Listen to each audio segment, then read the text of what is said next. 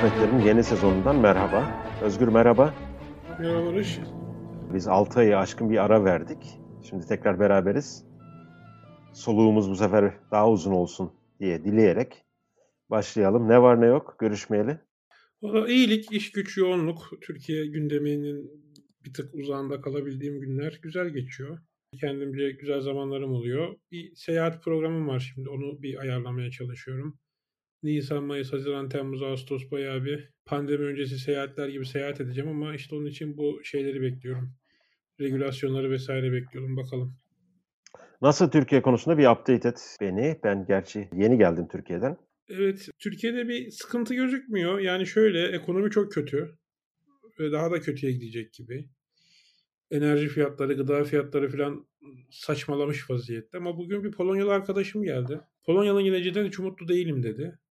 Dedim hani niye böyle bir bana sebepleri sayar mısın? E, saydı. Bizim Türkiye'deki konuştuğumuz hikayelerin aynısı. Hiçbir fark yok. Yani şeye kadar. Enerji fiyatları mesela yüzde 40 artmış konutlarda. Çünkü konutlardaki enerjiyi devlet sübvanse ediyormuş. Hı hı.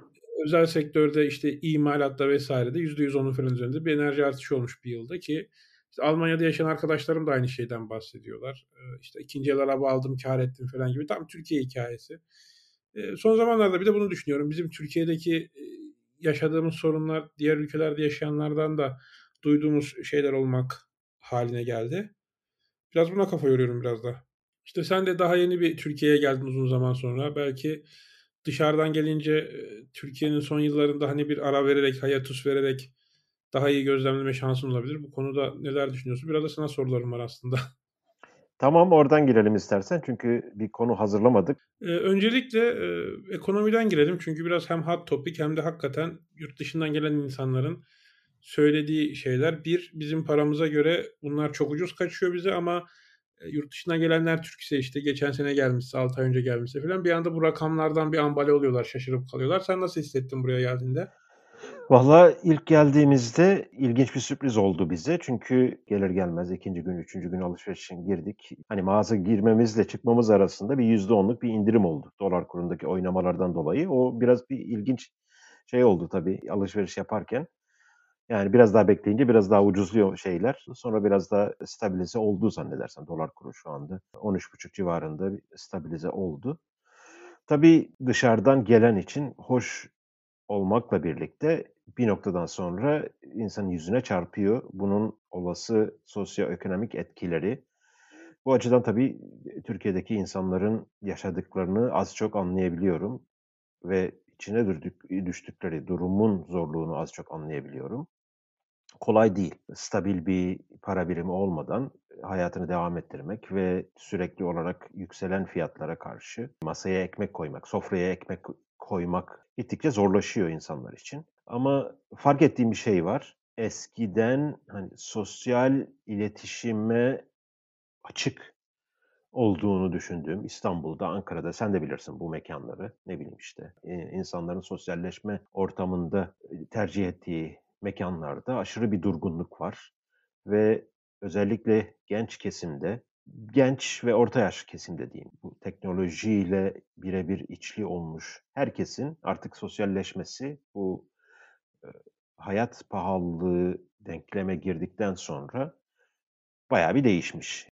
Herhangi bir yere bir şeyler oturup içelim, konuşalım, muhabbet edelim tarzında veya işte takılalım bir grup olarak bir yere gidelim. Bu şey kalkmış tabii. İnsanlar bir yere oturup bir şey sipariş edemiyor. Bir yere oturup, oturup bunun zevki yok veya katlanamıyor. Maliyeti çok yüksek.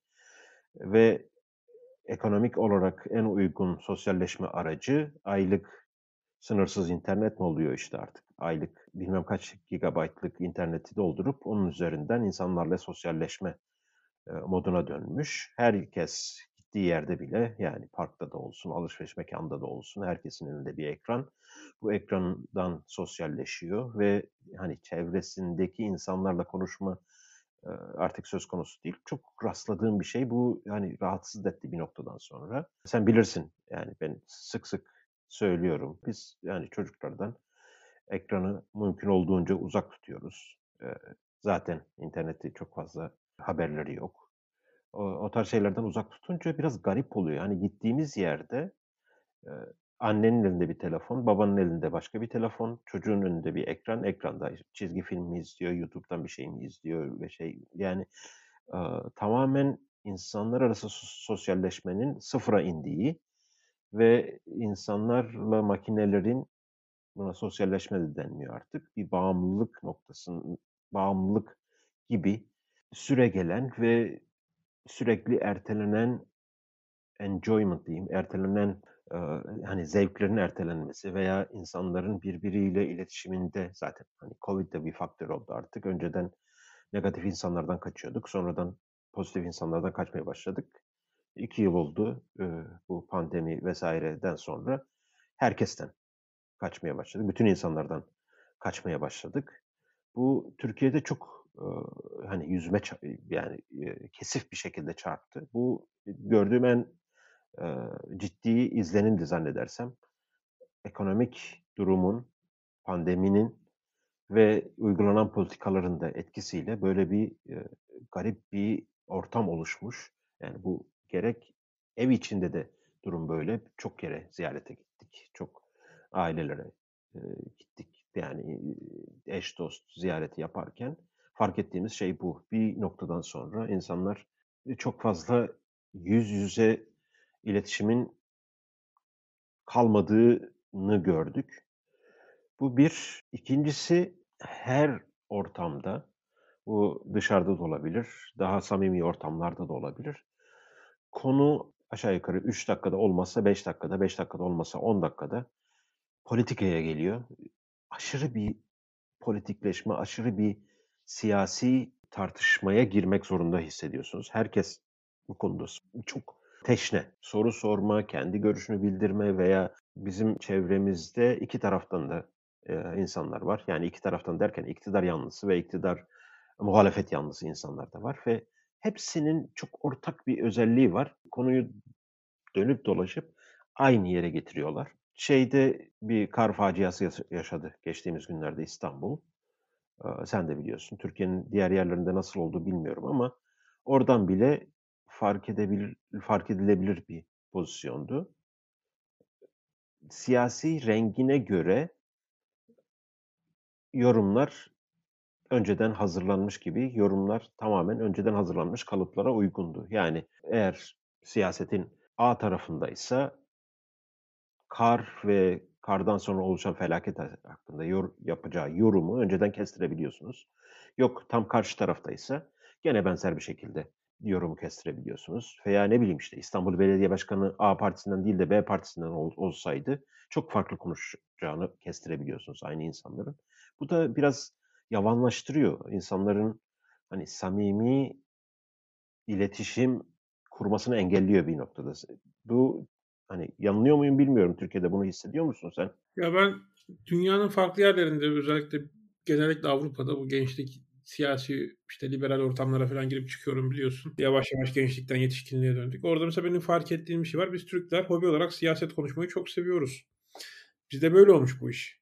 Ama oralarda parti yetkilisi, gençlik kolları başkanı bilmem nesi. Gençlik kolları başkanı derken oralarda bizdeki gibi gençlik kolu yok da.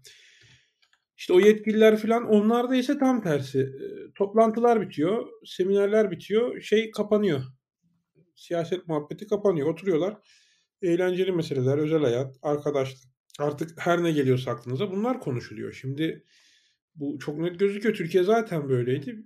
Daha da kötüsü şu oldu bence e, son zamanlarda. Bu şey doğru. Sosyal medyaya kaçış doğru. Çünkü hakikaten Ankara'da olsun, İstanbul'da tam bilmiyorum. Başka yerlerde olsun. Muhtemelen hepsinde aynı bir dinamik vardır. Ya biz şimdi bu KYK'yı alırdık 2010'ların civarında. Biraz öncesini biraz sonrasını düşün. Biz bu KYK kredisiyle bir KYK? takılırdık. E, kredi Yurtlar Kurumu'nun verdiği burs evet. kredi. Biz bununla bir ay takılırdık. Evet. Bayağı haftada 4-5 gün çıkardık, içerdik, yemek yerdik her neyse. Hani ucuz mekanda bira içerdik, tavuk döner yerdik ama biz bunu haftada 4-5 gün yapardık o parayla. Şimdi ben konuşuyorum gençlerle, fiyatlara bakıyorum, söyledikleri paralara bakıyorum falan. Haftada bir filan anca. Evet. Ki muhtemelen şu an şöyledir. Hani o zamanlar bizim başka gelirlerimiz de oluyordu. Part time işte çalışıyordum ben. Çok ciddi para kazanıyordum. Yani Ben o zamanlar bir uluslararası telekom şirketinde part-time iş yapıyordum. Haftada 15-20 saat maksimum. E son çıkan iPhone'a işte iPhone 4, 4S neyse ön siparişten kaydoluyordum. Şu an part-time çalışan birisi o telefonların fiyatına bile bakmaz yani. Gerek görmez. Çünkü nasıl olsa alması imkansız ötesi imkansız. Ee, şimdi biz öyle bir durumdan geldiğimiz için o şeyde de yani o karşılaştırmada da bu son zamanlar çok e, felaket yani felaket demesem de can sıkıcı noktalara gitti. İşte bizim ODTÜ'de falan beğenip gitmediğimiz festivaller şimdi milletin e, heyecan duyduğu şeyler haline geldi, işler haline geldi vesaire. E, ve bu noktada da insanlar sosyal medyaya kaçışıyor evet bu bir realite. E, sosyal medyada her ne kadar mesela Twitter çok politik, Instagram az politik olsa da bizim Instagram da çok politikleşmeye başladı.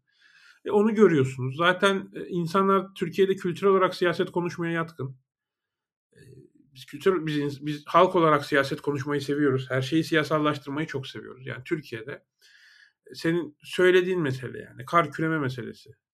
Ben Ankara'da yaşıyorum. Melih Gökçe'yi pek sevmem. Mansur Yavaş'a oy verdim vesaire. İşte Mansur Yavaş çok güzel kar kürüyor diyorlar. E muhtemelen Melih Gökçek döneminde ne kamyon varsa hani 3-5 kamyon alsın en fazla eklesin.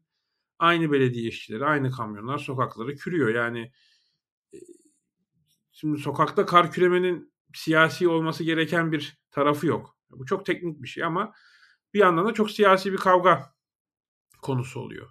Yani böyle bir saçmalığın içindeyiz. Bizim biraz apolitikleşmeye ihtiyacımız var. Yani Türkiye dediğimiz ülkede nüfusa katıl şey pardon seçime katılım %90 oluyor. Yani seçmenin %90'ı gidip oy kullanıyor.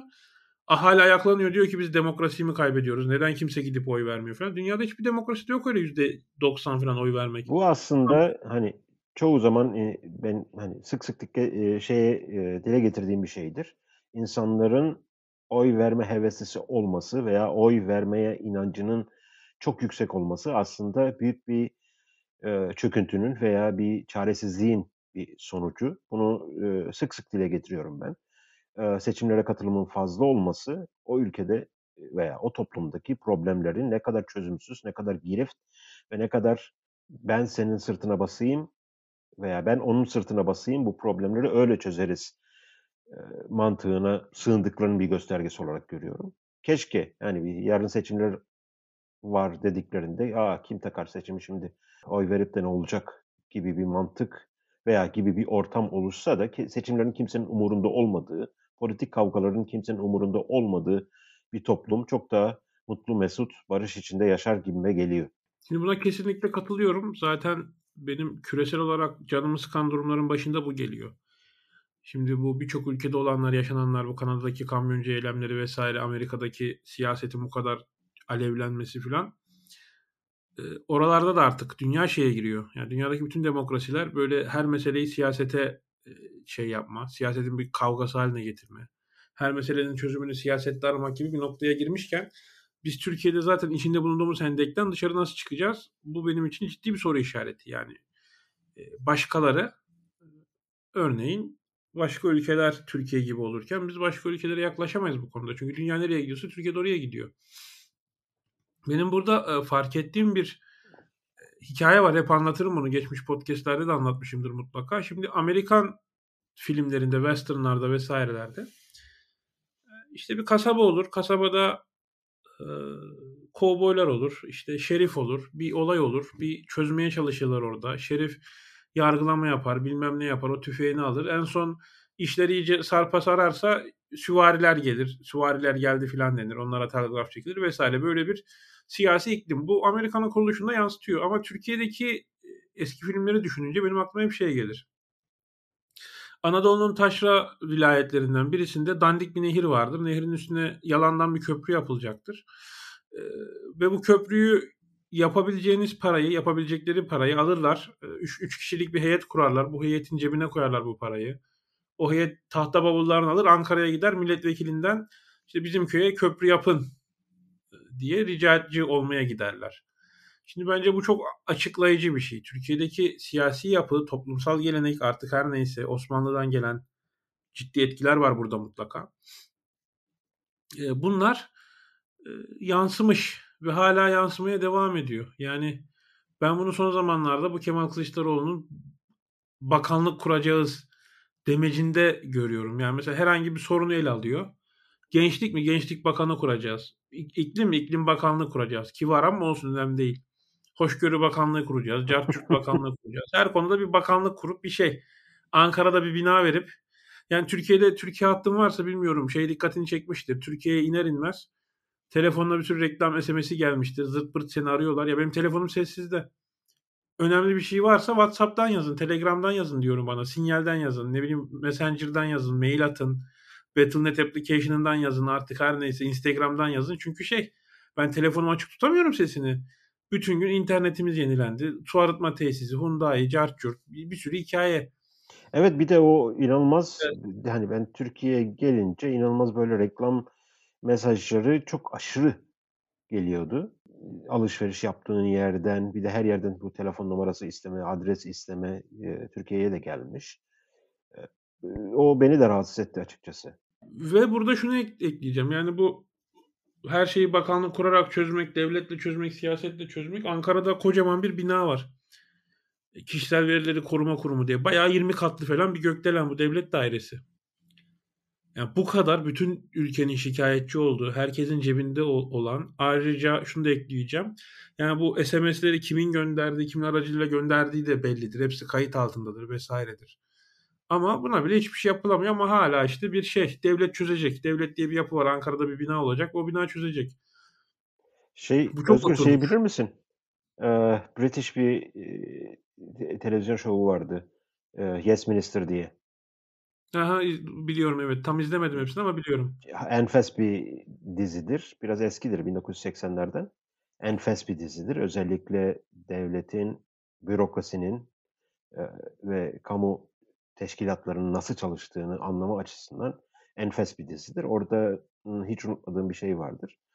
Orada bir sorun, hangi sorun olduğunu bilmiyorum ama e, bu sorunu hani çözmeden ve halka nasıl unutturabiliriz şeklinde bir çözüm arayışındalar. E, politik bürokrasi işte müsteşarla birlikte ve şey yaptıkları çözüm hemen buna ilişkin bir kurum kuralım diyor. Buna ilişkin bir komisyon kuralım. Ne bileyim işte yolsuzluk mu? Yolsuzluktan mı millet şey yapıyor? Hemen yolsuzluk komisyonu kuralım. Ne bileyim işte elektrik mi, enerji mi problemli? Hemen bir enerji komisyonu kuralım. Böylece e, sorunu çözmeden sorundan istifade etmenin en birinci yollarından bir tanesidir. Ona ilişkin bakanlık kurmak, ona ilişkin kurum kurmak, ona ilişkin bir komisyon kurmak, ona ilişkin e, bir hani afilli bir başlık altında yeni bir e, kanun geçirmek. Bu e, eski kurulan bakanlıklar aslında hangi sorunların çözülmeyeceğine dair iyi bir indikatör görevi görüyor. Yani bu biraz evet zihniyet meselesi ve e, günün sonunda hepsini toplayıp şunu söylemek isterim ben herkes her türlü sorunun cevabını Ankara'da aradığı zaman bütün herkes Ankara'ya kilitlenmek ve Ankara'nın siyasetine odaklanmak zorunda gibi hissediyor. Ve bu da toplumsal yapıya ve boş vakitlere yansıyor. E, boş vakit demişken e, biraz konuyu değiştireyim. Evet. İstersen. Mesela tabii, tabii. boş vakit pratikleri, insanlar boş vakitleri nasıl geçiriyor? Daha önce ya da son zamanlarda bulunduğun ülkelerle Türkiye arasındaki farklar nasıl? Bir park meselesinden bahsetmiştin. Çocukların parkta yaşadığı sıkıntılar diyeyim. Biraz onu açarsam mesela dinleyiciler için de çok ilginç bir bilgi olacaktır. Bizim çocukların parkta değil de İstanbul-Ankara arasında arabayla bir şey yaptık. Biraz kalabalık dolaştığımız için bir araba kiraladık. Arabayla İstanbul'dan Ankara'ya geçtik. Orada hani biraz şey olsun, sarkastik olsun. Devlet sağ olsun böyle kişiye özel otoban yapmış. Otobana girdik. Başka hiç araba yok. Şeyde çok rahat bir şekilde gidip geldik. Neredeyse hiç araba yoktu hiç hani bir trafik vesaire falan problemi yaşamadık. Bu zannedersem ekonomik durumla da yakından alakalı. Bu bir. İkincisi işte yolda mola verdiğimiz bir yerde şey dikkatimizi çekti. Yani aşırı derecede sokak köpeği vardı. Başıboş köpek vardı. Bizim çocuklar da köpekleri çok sever. Hani hayvanları çok sever köpekle oynamaya başladılar falan. Bir tanesi biraz yabani köpekti. Bizim ufaklığın biraz üzerine hani saldırma şey yaptı. Biraz hani biz engelledik şey yaptık. çok bir sorun olmadı ama bu daha sonra Ankara'da da İstanbul'da da fark ettiğim bir şey. Herhalde toplumsal bir konsensüs olmuş. Biz e, sokakları hayvanlarla daha çok seviyoruz diye. Ve herkes bu hayvanların, sokaktaki hayvanların sayısını nasıl artırabiliriz şeklinde bir e, kampanyaya başlamış zannedersem. E, onun etkilerini gördüm. E, bu inanılmaz artmış. Yani bir dışarıdan geldiğimizde hemen dikkat çekiyor. Ve e, hani daha önceden İstanbul'da yaşadığım zaman o, bunun sıkıntısını çekmiş bir insan olarak yani saldırıya uğramış bir insan olarak bu beni biraz endişelendirdi açıkçası özellikle geceleyin e, güvenlik vesaire konusunda. E, tabii toplumsal mutabakatta eğer bu hayvanların artışından herkes memnunsa e, çok söyleyecek bir şey yok. Herkes kendi güvenliğini kendi imkanlarıyla almak durumunda zannedersem. Ya toplumsal konsensüs aslında e, var ama yok. Şöyle şimdi insanlar bu konudan şikayetçi. E, belediye toplasın, devlet önlem alsın yine bildiğimiz hikayeler. Ama hı hı. çok da şikayetçi değiller. Çünkü bir yandan da sokakta hayvanların olmaması demek bu hayvanların önemli bir kısmının itlaf edilmesi gerek. 2 artı 2 4 yani öyle hepsini kısırlaştırıp barınağa koymak falan öyle bir öyle bir barınak yok yani. Bu, bu kadar sokak hayvanının %10'unu alacak bir barınak da yok. Türkiye'de 15 milyon üzerinde sokak hayvanı olduğu söyleniyor. Hı hı. Bu yer realite insanların bilgisi olduğu için biraz işte şikayet ediliyor ama susuluyor. Şimdi esas Türkiye'deki problem yine çok temel bir metapolitik bir problem. Sorumluluk sıkıntısı. Hı hı. Şimdi bir tanıdığım birisinin başına geldi. Çocuğuna köpekler saldırdığı için korumaya çalışıyor. Korumaya çalışırken de düşüyor, başı işte başı belaya giriyor, elleri kırılıyor filan. Ve bu insanın profesyonel geleceği sıkıntıda çünkü kalem mi tutabilir? Hı hı. Yoksa defter mi tutabilir, mouse mu tutabilir, klavye mi tutabilir? Bunların hepsi şey soru hı hı. işareti. bu soru işaretleri nasıl çözülecek? Şimdi bu tip durumlarda dünyadaki bütün gelişmiş düzgün memleketlerde şöyle olur. Şimdi sokakta size birisi saldırırsa, bir şey saldırırsa insan, hayvan vesaire. Hı hı. Bunun bir sorumluluğun olması lazım. Şimdi size hı hı. sokakta bir sokak hayvanı saldırdı. Okey. E, Türkiye yasalarına göre bu sokak hayvanlarından sorumlu olan belediyeler ve valilikler. O sorumsuzluk Ki, demek aslında. Ya evet. Kimse sorumlu değil demek. E, evet. Ki e, geçmişlerde geçmişte benim araştırmalarım geçmişte çıkan mahkeme e, tutanakları, mahkeme sonuçları vesaireleri bunların hepsinde e, ortaya çıkan bir şey var. Aslında bu belediye ve valilikler bu işten sorumlu. Şimdi Türkiye'de belediye ve valilikleri geçtim. İşte pitbull çocuğa saldırdı haber oluyor. Şimdi genelde de bu pitbull türü çok saldırgan. Bayağı Amerika'daki datayı bulmuştum ben. Türkiye'de öyle bir data yok da. Ölümlü Hı. köpek saldırılarının %68'i falan pitbulllardan dolayı oluyor. Bir kasları çok güçlü. Kapattığı an çenesini kitliyor kalıyor boğaz, boynu vesaire nereye saldırıyorsa. İki sahipleri biraz bunları kötü yetiştiriyor, saldırgan yetiştiriyor. Bu tip durumlar var. Şimdi bu realite var. Ve Türkiye'de işte pitbull çocuğa saldırdı diyorsunuz. E, bu pitbull'un sahipleri ne oldu? Hiçbir şey olmuyor. Sorumsuzluk bir. Bu, bu çok şey bir sorumsuzluk. Yani bu bireysel bir şey. Hani şeyden bahsetmiyorum. Sokakta köpek saldırır. Hı hı. İnsanlar da hakkını aramayı bilmez. Mahkemeye götüremez bu işi. Bilmem niye götüremez de arada kaynar.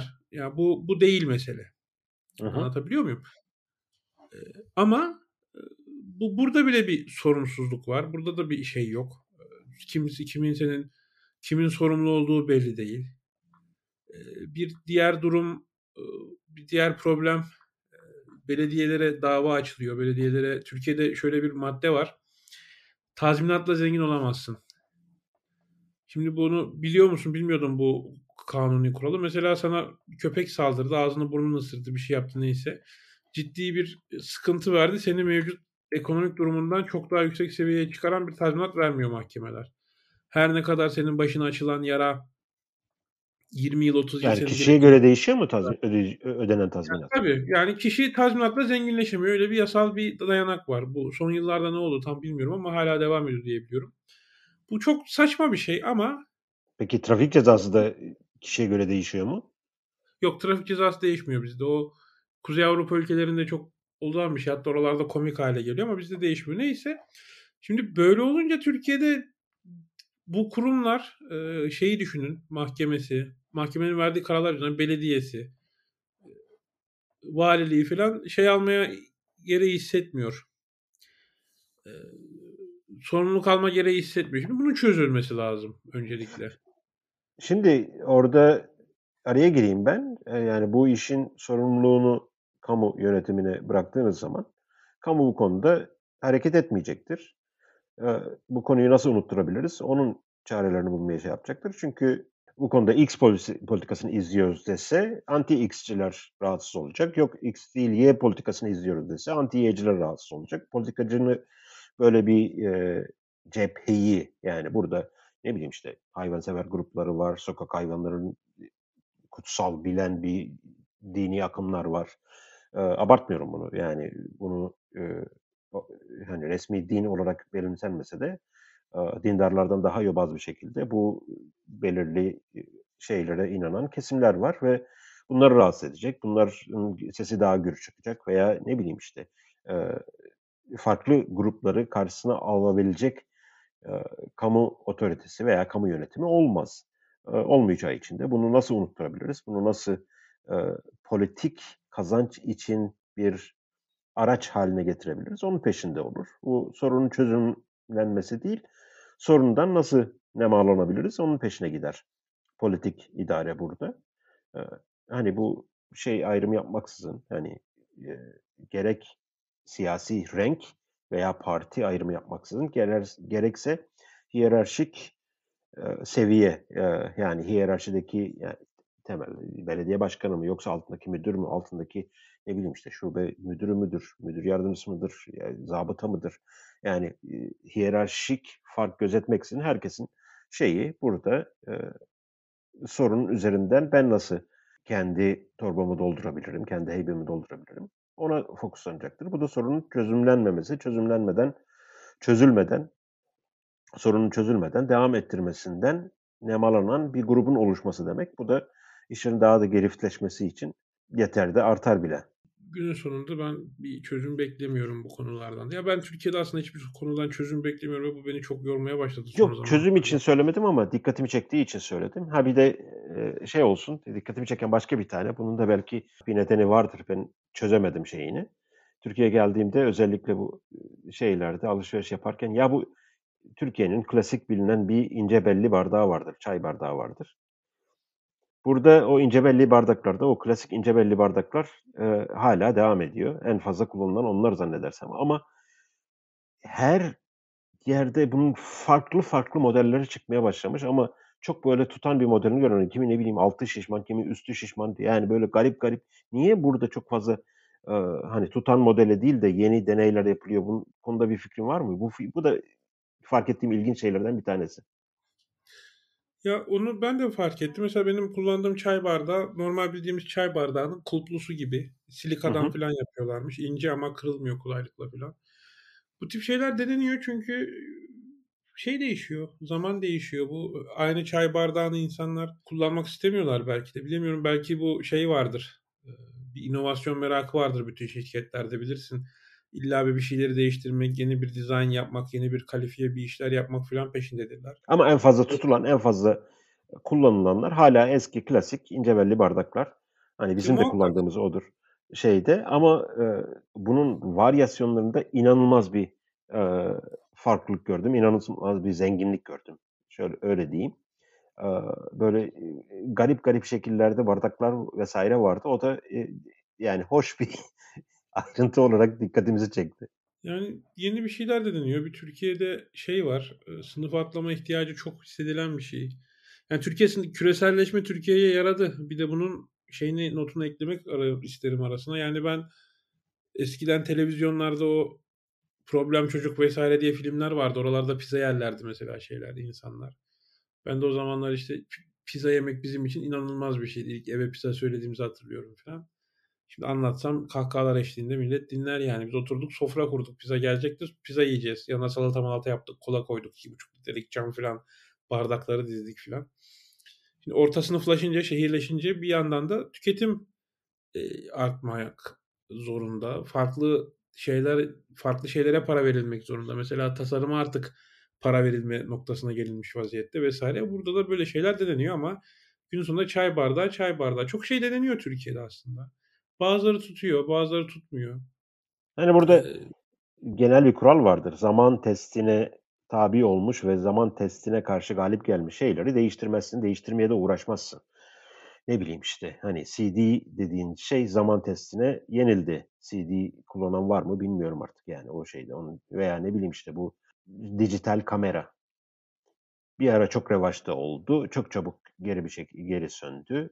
Artık çok fazla kullanılmıyor. Yani bir teknolojik gelişmeyle de şunda da bunda da ama hani bisiklet dediğimiz olay yüzyıl aşkın süredir var. Yani zaman testine yenilmedi. Hala yani bisikleti 100 senedir görüyorsak aşağı yukarı bir 100 sene daha göreceğiz anlamında söyledim. O anlamda hani Türklerin bu klasik e, ince belli çay bardakları zaman testini aşmış olarak değerlendiriyorum ben bunu. Genel olarak böyle bir şeyde herkesin tuttuğu konservatif belki tutucu bir şekilde ona yöneldiği bir şey var. Ama yeniliklerden de hani ben yenilik karşıtı değilim ama bir de hani abartmışız biraz. Keşke biraz onların fotoğrafını çekseydim de gösterseydim sana. Çok fazla inanılmaz derecede şey var. Çeşit var. Bazıları da böyle artık böyle hani komik de şeye kaçacak derecede garip şekiller uydurulmuş. Yani onların da bir meraklısı vardır mutlaka. Yok o da ilginç bir şey oldu. Yani belki çok önemli bir konu değil ama sona doğru bunu da konuşmuş olalım. Türkiye iz, izlenimlerinden devam ettik bu bölümde. Son bir şey ekleyeyim burada. Hep şey derler ya Türkiye toplumu muhafazakardır falan. Bu çok tırt bir laf. Türkiye toplumu hiç muhafazakar değil bence. Yani hakikaten yarın bir gün bir şey olur. Bir ara Ajda, Ajda Bardak diye bir muhabbet vardı hatırlıyor musun bilmiyorum. Bir çay bardağının bir tip değişiydi. Ajda Bardağı diye çıkmıştı. O tutmuştu mesela. Türk milleti çok kolay yeni yapar. Ya Türkiye'de eski ev yoktur mesela. Yani köklü insanlar, gücü olan insanlar eski evde oturmaz. Renove ettirmezler, uğraşmazlar. Gider sıfır binaya geçerler. Her şey baştan yapılacaktır Türkiye'de. Yani Türkiye'deki muhafazakarlık denilen muhabbet biraz şeydir. Muhafazakar olmak zorunda olduğu için maddi olarak e, olan insanlar muhafazakar. Mesela bu Mehmet Barlas'ın evi vardır. Dinleyiciler Google'a yazsın. İşte muhafazakarlık Türkiye'de biraz Mehmet Barlas'ın evi gibidir.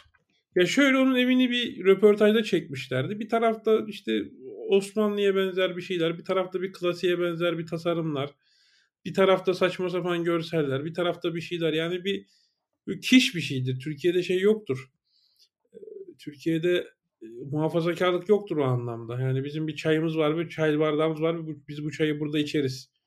O yoktur bizde. Şehirleşmemizlerimizin muhafazakarlıkla alakası yoktur. Evlerimizin alakası yoktur. Yaşantılarımızın alakası yoktur. Yani dini hassasiyeti ve gericiliği biz muhafazakarlık olarak öğrenmişizdir.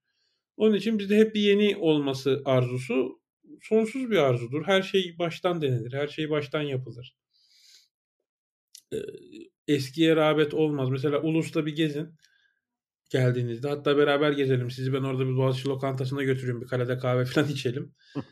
Yani çok güzel binalar var. Çok mesela Yahudi mahallesi var Ulus'ta. Yani dünyanın herhangi bir yerinde öyle bir mahalle olsa, öyle bir tarihi doku olsa zenginler gider oturur. Aslında uygun renove ettirirler. İşte güçlendirirler o binaları. Bir şey yaparlar. Güç yetmez. Şimdi şey kimse yaşamıyor orada. O sokakta işte Ankara'nın tarihi sinagogu var. Onu görmeye gidiyorsunuz. Ya birisi çıkar da bir tarafıma bıçak sokar diye gündüz vakti bile tırsıyorsunuz. Yani bizim yaşantımız böyledir. Biz yeniye tapan bir milletiz. Ya bir de orada şu var. Benim fark ettiğim bir şey. Türkiye'de hani o yenilik veya konservatif tarafında değil de biraz gösteriş merakı başat rol oynuyor zannedersem insanların alışverişlerinde veya e, bu hani yeni ev yaptırayım, yeni şey yaptırayım, şunu da yaptırayım, bunu da yaptırayım, şunu da dizayn edeyim. Yani bir hani görmemişlik diyeceğim. O biraz kaba kaçacak ama bir gösteriş merakı var. O gösteriş merakı her toplumda var. Yani sadece Türkler özgü olan bir şey değil ama bir de şu var şeyde bir şey yeni bir şey yaptırıldığı zaman veya yapıldığı zaman ya bunu yapan artık inşaat ustasının veya müteahhitin veya kim dizayn ediyorsa mimarın nasıl kullanılabileceğine dair veya bunu şöyle yaparsam daha iyi olur, şöyle yaparsam daha kullanışlı olur, insanlar da rahat eder şeyinde bir düşüncesi yok zannedersem. Dolayısıyla daha önce yapılanı beğenmiyor kimse. Özellikle hani eski binaların korunduğu ve yaşanarak korunduğu, müze olarak korunduğu değil de müze olarak hani korunmuyor zaten, çürümeye terk ediliyor. Ama yaşayarak, içinde yaşayarak insanlarla e, birlikte korunduğu yerlerde hani çok ince detaylar var. Hani bunu düşünmüş diyorsun adam. 60 sene önce bunu düşünmüş ve bugün de hala kullanışlı. Ne bileyim işte eve öyle bir yapmış ki hani bu niye burada böyle yapılmış diye soru sorma ihtiyacı hissetmiyorsun veya ya bu evinde şu eksik şeklinde çok major bir problem çıkmıyor. Hani Türkiye'de biraz o var. Hani çok gündelik ihtiyaçlara dahi cevap veremeyecek bir stilde yapılıyor. O stil noksanlığı zaten hani estetik noksanlığını vazgeçtim. Hani e, estetik noksanlığı biraz daha hani e, olgunlaş kültürün veya toplumun olgunlaşmasıyla gelen bir şey. Türkiye gibi hani her e, jenerasyonda özellikle büyük sermayenin el değiştirdiği bir ülkede böyle bir olgunlaşmayı beklemek biraz zor belki. Ama estetiği bıraktım. Kullanışlılık açısından da yani bir ev yapıyor adam. Hani bunun kullanışlılığı çok mümkün değil. Bir hani teknoloji değişiyor. Bir anda atıl kalıyor kullanılacak şeyler. Ne bileyim işte televizyon setleri önceden daha böyle şişmandı televizyonlar. Şimdi duvara asma modelleri çıktı. Öyle olunca evi hepten değiştirmek gerekiyor vesaire. Bu tarz e, hani ne derler buna? Ergonomi mi diyorlar? Bir, biraz daha böyle kullanıma e, hoş veya çok fazla kişinin kullanabileceği veya bunları düşünmek, bunların e, detaylarını e, şey yapabilmek çok Türkiye'de görmediğim bir şey. Belki senin dediğin hani o ben kendi evimi yaptırayım, kendi şeyimi yaptırayım, eski evde kalmam mantığının e, ekonomik bir sebebi veya davranışsal sebeplerden bir tanesi zanneder, zannedersen bu. Şimdi bizde o konuda şey vardı çok ilginç bir şekilde. Ee, sen benden iyi hatırlarsın. Evin hiç girilmeyen salonu olurdu. O hiç girilmeyen salonda bir gümüşlük olurdu. Evet. İçinde kristal vazolar Misafir odası. olurdu. Misafir odası. Misafir gelince de oturma odasında oturulurdu. O salonda da pek oturulmazdı. Onlar 3 ayda bir silinirdi falan. Böyle onlar dururdu orada ama şey yapılmazdı. Hiçbir işe yaramazdı. Evet. Bizim nesilde o bitti. Bunun ekonomik sebepleri de olabilir. Çünkü eskisi gibi kocaman kocaman evler tutamayabiliriz. E, bunun şey sebepleri de olabilir. Kültürel sebepleri de olabilir. Pratiğin, ergonominin şeyi daha yükselmiş olabilir kıymeti. Bunların hepsi olabilir tabii. Bu kültürel dönüşümler yaşanıyor ama bizde muhafazakarlık şey anlamında, sağlıklı anlamda ne zaman gelecek? Benim o konuda hala bir şüphelerim var. Belki de bu son biraz şaka yollu şey olur bu son Türkiye'nin yaşadığı ekonomik koşullar yüzünden. Türkiye tam Alexandra Ocasio-Cortez'in istediği memleket oldu. Kimse et yemiyor, kimse arabaya binmiyor. kimse elektrik tüketmiyor. Evet. Fosil yakıt kullanmıyor falan Fosil yakıt böyle. kullanmıyorlar. O yüzden yani e... sefalet yüzünden de olsa bir şekilde çevreci bir Green New Deal hayata geçmiş gibi gözüküyor. Aslında bu konu ilginç. Hani buraya şey yaptık, biraz e, uzattık da. Daha önce e, bir Twitter'da konuşmuştuk zannedersem bu çevre enerji konusunu. Onu önümüzdeki haftalarda bir podcast konuşalım o enerji maliyetleri. Bu sadece çünkü sadece Türkiye'yi ilgilendiren bir durum değil. Ya onu hemen dünya genelinde. Ya bence o çok korkunç bir yerlere gidiyor. Bugün Twitter'da da yazdım. Yani işte bu neydi adamın adı? Numan Kurtulmuş şey demiş.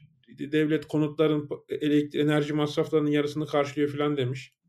Hani sizin bu şikayet ettiğiniz paralar sübvanse ediliyor sübvanse edilmiş bedeller anlamında bir laf etmiş. Doğru katılıyorum ama ona rağmen çok korkunç noktalara gelmiş vaziyette. Bugün az önce söylediğim gibi işte Polonyalı arkadaşımın söylediği. Bugün Almanya'sından Amerika'sına dünyanın birçok yerinde bu enerji fiyatları çok enteresan yerlere gidiyor ve bunun ciddi sonuçları olur. Şöyle bir ben bir spoiler vereyim. Belki bir sonraki yayında bunları konuşalım bir sonraki podcast'te.